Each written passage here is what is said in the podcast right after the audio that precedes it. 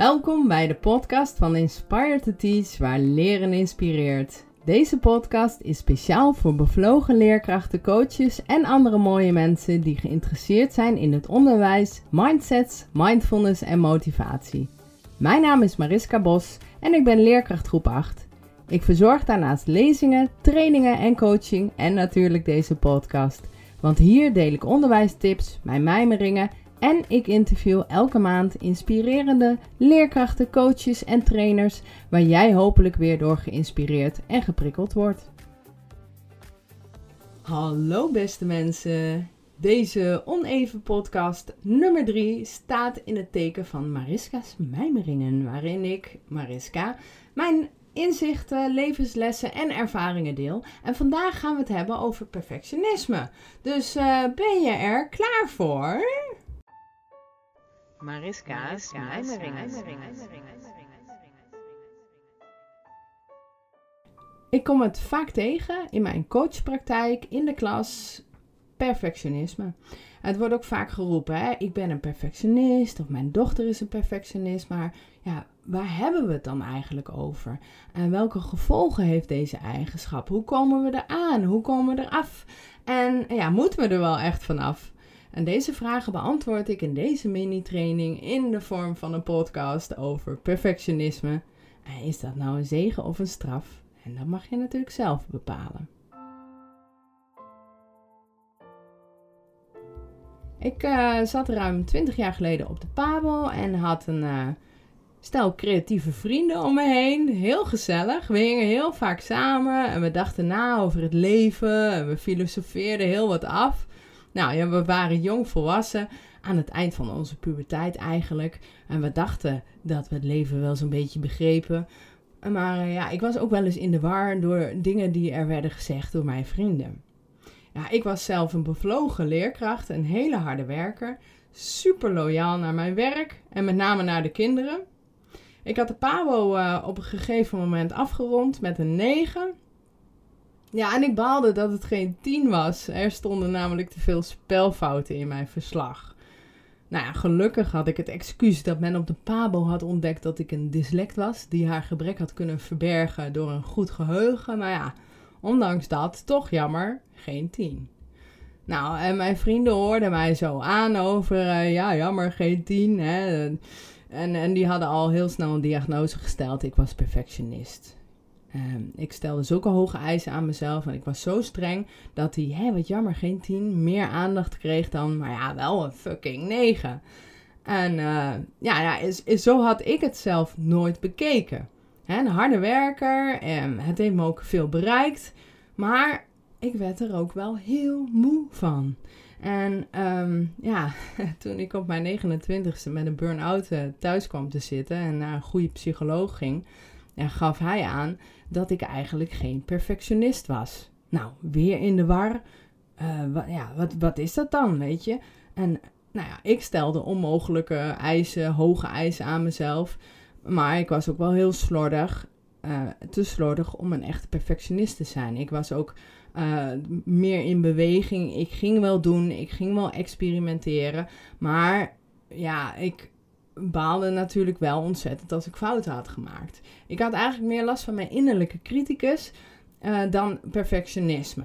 En uh, perfectionisten die, die blokkeren vaak en die, die, werken, die doen het werk niet. Of die blijven eindeloos doorgaan of opnieuw of opnieuw. En zo kan deze podcast ook honderd keer opnieuw worden gedaan. Omdat ik denk, oh nee, dit gaat niet goed genoeg. Maar ja, dat doe ik niet. Dus ja, dat bewijst dan weer dat ik uh, geen perfectionist ben. Um, en dat hele blokkeren en zo, dat is eigenlijk ook wel weer een vorm van faalangst. Dus ja, komen allemaal termen langs, langs faalangst, perfectionisme, innerlijke criticus. In deze podcast ga ik me dus richten op perfectionisme.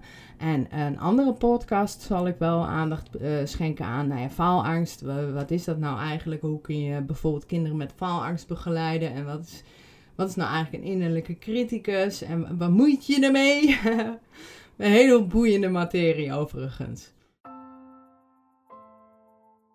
In mijn ogen zeggen we eigenlijk te vaak tegen onze leerlingen, onze cliënten, de kinderen: Of ehm, ja, zelfs tegen onszelf dat wij uh, perfectionistisch zijn. Eigenlijk op het moment dat we balen van fouten of dat we ja, best wel hoge eisen stellen aan onszelf. En dat lijkt mij heel normaal gedrag. Hè? Het is niet zo van, oh yes, oh ik heb echt zo'n grandioze fout gemaakt. Weet je wat ik heb gedaan? Nou, moet je horen. Dus zo zitten we niet in elkaar, toch? Dus ja, dat je ervan baalt, dat is eigenlijk best wel normaal gedrag. Maar uh, sla je erin door? Uh, bestraf je jezelf? Uh, kun je die gedachten helemaal niet loslaten? of blokkeer je constant? Um, blijf je eindeloos doorgaan terwijl het eigenlijk al wel goed genoeg is? Ja, dan is er werk aan de winkel. Um, en dat kun je alleen doen door zelfonderzoek of boeken te lezen of met mensen te praten of met professionals zoals een coach of een psycholoog. Maar het, het is echt wel mooi dat als je zo blokkeert of daar zoveel last van hebt, um, ja, ga het niet alleen doen. Ga eens in gesprek met mensen die er wat meer verstand van hebben. Maar ja, goed, wat is nu perfectionisme? Het heeft iets te maken met de illusie dat je aan een perfect plaatje moet voldoen. En dat plaatje, dat maakt de perfectionist natuurlijk zelf. Uh, maar koppelt het heel vaak wel aan anderen. Wat anderen van ons denken. Uh, dus ze denken dat ze vullen in voor een ander. Maar het is eigenlijk hun eigen ideeën en overtuigingen. En ja, dat hebben ze ook niet altijd in de gaten. Nou, wat je vaak ziet in het gedrag van perfectionisten is dat ze gaan uitstellen. Uh, ze komen, of ze komen juist niet tot actie. Hè? Perfectionisten hebben ook wel vaker de neiging om eerst beter te worden in iets voordat ze het gaan doen. En dat is echt wel heel, uh, ja, bijna grappig als je erover nadenkt, toch? De, nog een keer. Ze hebben de neiging om eerst beter te worden in iets voordat ze het gaan doen. En uh, ja, daar gaat het dus mis. Want de, dan gaan perfectionisten nadenken, overanalyseren. En daardoor bouw je spanning op. Ze ontnemen zichzelf de kans om te oefenen en te bekijken hoe ze er werkelijk voor staan. Want door gewoonweg te doen, kun je een beetje leren, snap je een beetje waar, hoe het gaat. In plaats van er alleen maar over na te denken. Ik hoop dat dit een beetje duidelijk is zoals ik dat omschrijf. Ja, eigenlijk zijn perfectionisten bang voor de pijn die bij falen uh, hoort. Hè? En dat gevoel niet goed genoeg te zijn. En dat ze voor die, die emotionele pijn weglopen. Terwijl als ze er echt over nadenken, kunnen ze die pijn aan. Dus het uitstellen en uh, de kop in het zand steken of alles nog beter willen voorbereiden, eindeloos doorzagen. Nou, als je erover nadenkt, dan word je er toch doodmoe van. Perfectionisten verspillen dus uh, echt heel veel tijd en energie aan het eindeloos overdenken en het voorkomen van fouten en al het gedoe dat bij perfectionisme hoort. En ja, misschien vind je het herkenbaar, uh, zie je het bij jezelf of bij leerlingen of andere bekenden. En nou, ik, ik denk dat, uh, dat het volgende zinnetje heel erg kan helpen voor perfectionisten. En uh, Marie Forleo, die zegt dat vaak, die zegt go for progress, not perfection. Dus ga voor progressie, ga voor groei en niet voor perfectie. Ga doen, onderzoek dan wat je hebt gedaan en, en uh, hoe je jezelf of uh, jouw lessen voor de klas of, of je leven of waar je dan mee bezig bent, um, kunt verbeteren. En dan ben je constructief bezig. En als je dus vanuit zo'n groeimindset functioneert, eh, dan, dan heb je veel meer lol ook in het hele proces van, oh, ik word echt een stuk, steeds een stukje beter. In plaats van, ja, maar ik ben nog niet perfect en ik ben nog niet waar ik wil zijn. En dat, dat gun ik perfectionisten. Dat ze um, lol krijgen in de groei.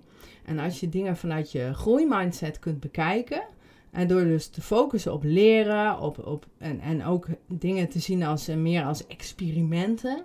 Dat helpt mij heel vaak. Dan ga ik een experiment doen. En dan ga ik een beetje kijken hoe het werkt. Terwijl uh, als je zegt, nou ik ga iets doen. Ja, dan moet je het vaak goed doen, hè. Maar als je gaat experimenteren, ja, dan mag je fouten maken, mag je een beetje aanklooien. Um, dus als je daarop focust, op groei, op leren, op experimenteren, op jezelf verbeteren, dan ben je veel meer bezig met een, een groeimindset.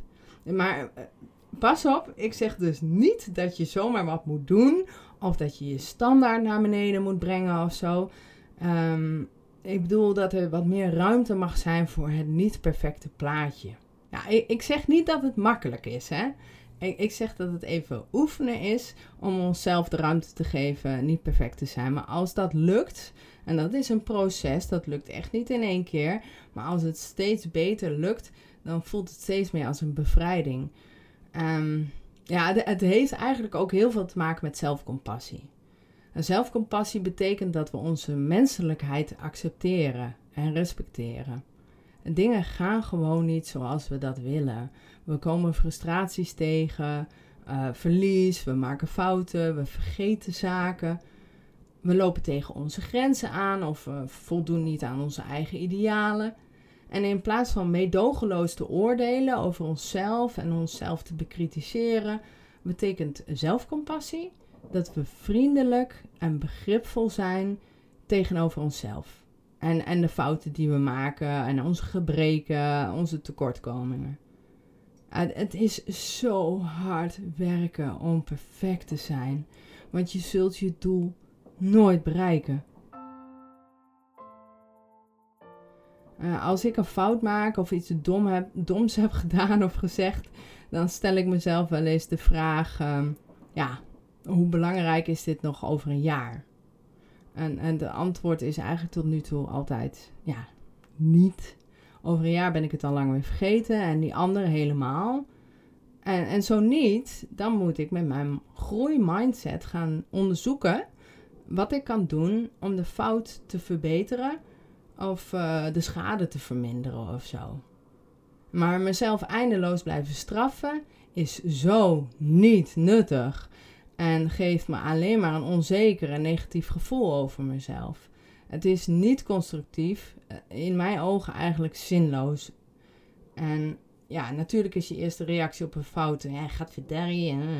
Maar door veel te oefenen in wat ik in, in deze podcast omschrijf, nou krijg je al snel, ja, ik krijg mezelf steeds sneller in een groeimindset. Ik repareer de fout en ik laat de gedachte aan deze fout gewoon weg los. Omdat het is gebeurd en het heeft geen zin meer om daar verder aandacht aan te besteden. Ja, ik accepteer steeds meer mijn menselijke aard. Nou, hoe doe ik dat? hè, door, bij fouten of zo. Dat, ik krijg toch een beetje zo'n zo'n zo'n spanningsreactie. Dus dan adem ik even diep in en uit. Zo, even die spanning loslaten. En dan, dan probeer ik er toch een klein beetje bij te glimlachen en te denken. Uh, als het een fout is die ik niet hoef te repareren. Als ik denk, oh, domme, domme opmerking gemaakt. Nou ja, laat maar zitten. Of je moet tegen iemand zeggen, joh, ik heb, ik heb toch, ik, ik zei dat tegen jou. Ja, en ik heb erover na zitten denken, maar ik vond, ik vond het eigenlijk uh, een beetje een uh, stomme reactie. Dus, maar ik wil eigenlijk mijn excuses aanbieden. Dat kan ook. Dan ben je aan het oplossen. En is van, oh, wat sukkel ben ik. Ja, joh, soms flap je er gewoon domme dingen uit. Hè? En dan, dan zeggen wij in het Twents heel vaak, uh, laat gaan, laat los, lachen. En moet ik eigenlijk, ik wil daar t-shirtjes van drukken. Of van die t-shirtjes van die Twentse teksten. En dat vind ik ook zo mooi. Sorry, ik dwaal een beetje af, maar. Fuck ben niet te bangen. Ja, je hoort het misschien al aan, maar ik ben geen ras-echte Twentenaar. Dus echte Twentenaren die krijgen nu echt kromme na, uh, teennagels. Uh, de, kromme teennagels? Nee, kromme tenen. Sorry. Hè? Maar um, dat betekent vaak ben je te bang. Vaak ben je te bangen. Nog gewoon allemaal leuke t-shirtjes. Ah, dat komt ook nog. Dat komt ook nog. allemaal te koop bij inspiredtoteach.nl. Um, maar goed, even terug. Uh, Logan, um, menselijkheid, het, uh, het, oefenen van, van vriendelijkheid ten opzichte van jezelf. Dat, dat is het, hè? Dus vriendelijk zijn ten opzichte van jezelf. Dat is zo inspirerend ook voor je omgeving. Voor de kinderen die je misschien in de klas hebt of in huis of uh, ook volwassenen om je heen. Van, oh, wat, wat doe je, waar ga je daar relaxed mee om? Ja, fijn, hè? Um, Misschien ken je haar al, Brené Brown.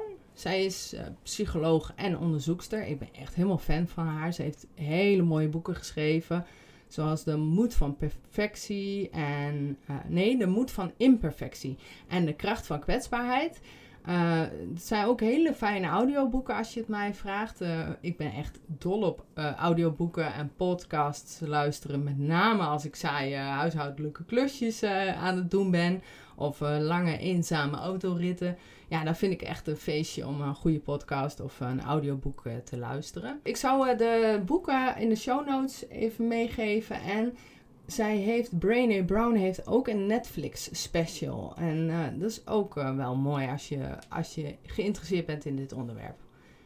Dan kun je er nog even iets, uh, iets dieper op ingaan. maar Brainy Brown heeft een definitie van perfectionisme. Even een papiertje erbij pakken. Dan ga ik even een stukje voorlezen. Die komt die. Perfectionisme is niet hetzelfde als streven naar kwaliteit. Perfectionisme heeft niets te maken met gezonde prestaties en groei. Perfectionisme is een vorm van zelfbescherming. Het is de overtuiging dat we, als we dingen perfect doen en er perfect uitzien, de pijn van verwijten, afkeuring en schaamte kunnen minimaliseren of voorkomen. Perfectionisme is een loodzwaar schild dat we met ons meeslepen vanuit de gedachte uh, dat het ons zou beschermen. Terwijl het juist datgene is wat ons ervan weerhoudt gezien te worden. En, ja, en ik wil daar nog aan toevoegen en het leven te leiden wat we willen leiden. Dat is misschien wel heel groot, maar um, hoe meer ik uh, leer over perfectionisme, hoe meer ik um, de, de mensen die in mijn coachpraktijk komen helpen met perfectionisme en de leerlingen in mijn klas, hoe meer ik denk van wauw, het is toch ook wel een eigen gecreëerde, bijna gevangenis waar je jezelf inzet. Hè? Ja. ja, dat is een beetje overdreven misschien, maar dat is wel het beeld wat ik er een beetje bij heb. En nou ja, het boek van Brené Brown eh, kan heel confronterend uh, zijn om te lezen, maar ook heel inspirerend. En ja, zij heeft het ook heel veel over schaamte. En uh, ja, dat gevoel dat loskomt als je beseft dat je een fout hebt gemaakt of dat, dat het perfecte plaatje wat je zo zorgvuldig hebt opgebouwd als een kaartenhuis in elkaar stort. En dan schrijft Brené Brown het volgende over schaamte. En dat vind ik ook zo mooi. Nou, daar komt hij. Um, schaamte. We zien er allemaal tegenop om over schaamte te praten. Hoe minder we over schaamte praten, hoe meer grip het op ons krijgt. Gelukkig zijn we ook in staat om schaamtebestendigheid te ontwikkelen. Ja, schaamtebestendigheid, dat is wel een, een, een mooi woord. Hè? Schaamtebestendigheid is het vermogen om schaamte te herkennen, er constructief mee om te gaan zonder ons gevoel van eigenwaarde te verliezen. Door het bespreken van schaamte met betrouwbare vrienden, collega's of een coach ontwikkel je moed en compassie. En we zullen merken dat het ook verbindt met anderen. Mensen veroordelen ons vaak minder dan we denken, want wij zijn vaak degene die het hardst oordelen ons, over onszelf. Willen we dat schaamte ons gaat beheersen? Ja, dat wil je dus niet, hè? maar wil je dat wel? Wil willen we dat schaamte ons gaat beheersen? Dan moeten we onze schaamtevolle ervaringen verdringen, verzwijgen en veroordelen. En, en daar komt dus dat stukje van, ja, hoe kwetsbaar durf je jezelf op te stellen als je dus uh, over dingen gaat, wil praten die, die schaamtegevoelens opwekken. Nou, dat, ik vond het heel interessante materie. Um, daar had ik voordat ik uh, um, in aanraking kwam met Brené Brown nooit zo direct over nagedacht dat het zo in elkaar zit. En uh, ja, nou ja, het is, het onderzoeken waard. Dus vind je dit interessant? Ga alsjeblieft die boeken lezen of de Netflix special van haar bekijken. Nou ja, ze zegt dus: uh, praat over perfect, imperfectie en laat het zien. En um, ik zeg dan vaak: vier je fouten en etaleer ze in de klas. En dat kan op een hele leuke manier. Hè? Gewoonweg, ja, en niet zo ontzettend je best doen om die perfecte juf te zijn, maar ook wel eens fouten laten zien of bespreken. ook je, je eigen kwetsbare delen kun je bijvoorbeeld ook, ook bespreken met de kinderen. Dus dat je ook wel eens onzeker bent of twijfelt of dat je een dilemma hebt en dat je niet helemaal weet wat, wat daarin uh, belangrijk is en dat je de kinderen laat meedenken. Dat vinden de meeste kinderen heel leuk, maar Sarayda Groenhart die zegt share your message, not your mess. Dus ga niet half huilend en trillend voor die klas staan, wees wel een sterk persoon. Maar dat je daarin met alle Twentse nuchterheid. uh, of de Rotterdammers, die hebben ook zo'n houding, heb ik me laten vertellen. En daarin wel uh, gaat delen van. Ehm, ja, wat, wat wel eens je twijfels zijn. En dat onzekerheid ook gewoon bij het leven hoort. En dat je dus fouten maakt. Dus dat mag je best wel eens laten zien, in mijn ogen. Ja, en een leerling die heeft wel eens tegen mij gezegd, zo'n, met de vraag: wat heb je nou uh, vooral geleerd dit schooljaar. En toen zei een leerling: Nou, ik heb vooral geleerd dat fouten maken helemaal niet erg is, juf. Want jij maakt er veel. en dat vond ik een heel leuk compliment eigenlijk. Dus uh, zij had gezien dat fouten maken helemaal niet erg is. Ik zak niet door de grond. Ik word er helemaal niet wiebelig van. Um, ik, ik laat dus ook echt bewust even fouten op het bord staan. En, uh, en ik laat kinderen mij uh, verbeteren. En zo begin ik ook het schooljaar een beetje. Van jongens, ik, ik ben niet perfect. Soms maak ik wel eens een foutje. Ik zou het heel fijn vinden dat, dat je me dat laat weten. Als ik iets op het bord schrijf en het is niet goed. En, en jullie zien dat allemaal wel. Hè? En ik denk dat ik goed bezig ben daar zou ik een heel vervelend gevoel aan overhouden. Kun je dat snappen? Zeg ik dan tegen de kinderen. De meeste kinderen, oh ja, snap ik wel. Dus als ik toch iets op het bord laat staan, of ik vergeet iets, ik heb iets beloofd en dat heb ik niet gedaan. Uh, vertel het mij alsjeblieft. Want ik vergeet wel eens dingen, ik maak wel eens fouten. En dat we, ik verbeter jouw fouten ook. Maar doe dat ook bij mij. Nou, dat vinden de kinderen heel cool. En, en dan vraag ik ze ook dat op een vriendelijke manier te doen. Want ja, uh, dat, dat is wel zo prettig, hè? Een andere leerling die, die vertelde is over een collega van mij, een collega-leerkracht, dat deze um, uh, leerling, die had die leerkracht verbeterd. Die had een fout gemaakt op het bord en de reactie van die leerkracht was, ja, um, ik wilde even zien of jullie wel opletten. Nou, ten eerste werd dat dus als, door de leerlingen gezien als een smoes. Zo van, ja, dit is gewoon uh, bullshit, het is niet waar wat je zegt. En ook al was het wel waar, het is eigenlijk wel een hele mooie kans om te laten zien ja, hoe je dus kunt omgaan met fouten. Want je kunt natuurlijk zeggen, oh wat stom, oh, oh ben ik een sufferd, oh jeetje, nou, een fout, wat erg. Um, of of zo'n smoes, hè, ik wilde wel even kijken of jullie goed opletten. Maar het is eigenlijk veel waardevoller voor de kinderen om dan uh, te zeggen, goh, wat goed gezien, bedankt voor het verbeteren. Dus dat vind ik wel een kans Um, dus uh, de volgende keer etaleer je fouten in de klas, uh, maar ook als, uh, als therapeut of weet ik veel wat je bent, ondernemer, een ouder, een mens. ik wil even afronden met ja, dat een bepaalde mate van perfectionisme eigenlijk helemaal niet verkeerd is. Hè?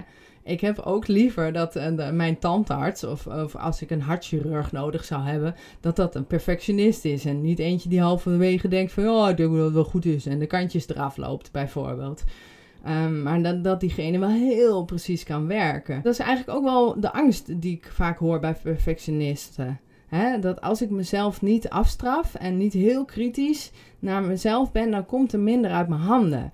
En ja, ik geloof dat eigenlijk niet. Want vaak hebben perfectionisten dat niet eens uitgeprobeerd om het op een andere manier te doen. En als je wat liever voor jezelf bent, wat vriendelijker, wat meer met compassie, dan kan het nog wel eens zijn, inderdaad, dat je in het begin wat minder hard aan het werk bent. Maar dat pak je wel weer op.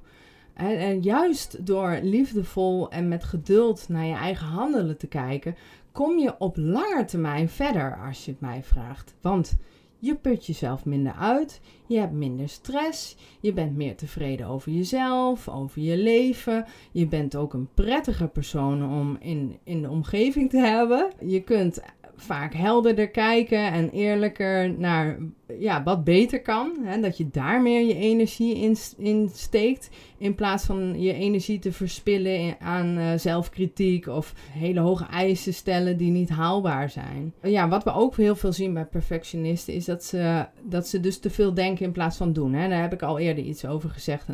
Uh, Tony Robbins is een heel bekende coach. Ik vind hem wel heel goed, maar ja, het moet ook een beetje bij je passen hoor. Ik vind hem ook wel erg Amerikaans. Maar hij zegt: perfectionisme is het grootste excuus om niets te doen. Nou ja, nu, nu ga ik iets zeggen wat misschien pijn gaat doen. Maar door jezelf een perfectionist te noemen, dan lijkt het erop dat je goed bezig bent. Want ja, ik vind het wel eh, best wel een mooi woord. Weet je, het klinkt wel mooi. Ik ben perfectionist. Maar je gebruikt dat mooie woord als excuus om niet het werk te doen wat je moet doen. Als je dus uh, blokkeert. Hè? Ik ken mensen die zeggen: Ja, ik, ik kom daar gewoon niet aan toe. Het lukt me niet, want ik ben perfectionistisch. Dan is het echt belangrijk om je eigen schaamte te onderzoeken, je eigen overtuigingen. Uh, en dat je dus ondanks onzekerheid en het risico fouten te maken of het gevoel niet goed genoeg te zijn, dat je toch moedig genoeg bent om jezelf de kans te geven om te groeien. Nou, laten we daarom stoppen onszelf wijs te maken dat we perfectionist zijn. Zeg het alsjeblieft ook niet meer tegen je leerlingen, uh, je studenten, je cliënten, je kinderen. Maar laten we streven naar een goed resultaat. Gedreven zijn en een goed resultaat willen bereiken is waardevol. Goed is goed genoeg. Het helpt je om het beste uit jezelf te halen en het is een bron van motivatie om goede resultaten te leveren. Maar als je bij alles wat je doet streeft naar het hoogst haalbare, al bij alles hè, kun je je voorstellen, alles wat je doet streven naar het hoogst haalbare, ja, dan wordt het echt heel anders. Want dan wordt, ja, dan wordt het toch perfectionisme en dan wordt het weer een probleem. Dan raak je uitgeput en uh, want het is nooit goed genoeg. En um, kun je je voorstellen dat je uh, een perfecte auto gaat rijden, en perfecte was gaat vouwen en uh, je huis moet dan altijd tip-top in orde zijn. En de planten moeten er altijd stofvrij, glimmend. Je relatie moet perfect zijn. Je seksleven moet perfect zijn. Het eten wat op tafel ligt moet er wel perfect uitzien. Je wordt er doodmoe van, toch? Nou, wees blij met waar je staat. Oefen je groeimindset door te streven naar groei in plaats van perfectie. Kijk met meer compassie naar jezelf. Uh, laat fouten toe in je leven, want ze kunnen namelijk heel inspirerend zijn. En geloof me, je kunt het aan. Je kunt het aan om niet perfect te zijn. Dus neem jezelf wat minder serieus. lach om, om je fouten en, en je menselijkheid. Uh, het leven is te kort om jezelf met een zweep te motiveren. Toch? Nou, daar wil ik het bij laten. Perfectionisme is een zegen of een vloek. Ik ben benieuwd wat je ervan vindt. Um, podcast nummer drie. Ik, ik hoop in elk geval dat je er iets aan had. Uh, wellicht heb je wat inzichten opgedaan. Um, en misschien vind je ook dat deze podcast beluisterd moet worden door meer mensen. Je zou mij echt, echt, echt heel erg helpen om uh, te delen op social media dat er een nieuwe podcast in town is. Inspire to Teach. Dus deel deze podcast. Praat erover met je collega's, je vrienden of je buren. Schreeuw het van de daken. Want zo help je mij zo meer, zoveel mogelijk mensen te bereiken. Um, vergeet niet op volgen te drukken. Uh, uh, of een aantal sterren te geven. En ja, Vind jij dat ik met een bepaalde bevlogen leerkracht, hulpverlener, uh, schrijver of ondernemer of wat dan ook moet praten over mindsets, mindfulness en motivatie voor een andere podcast? Zodat ik jou weer kan inspireren? Laat het me weten en stuur een mail naar info@inspiretoteach.nl en ik spreek je heel snel weer.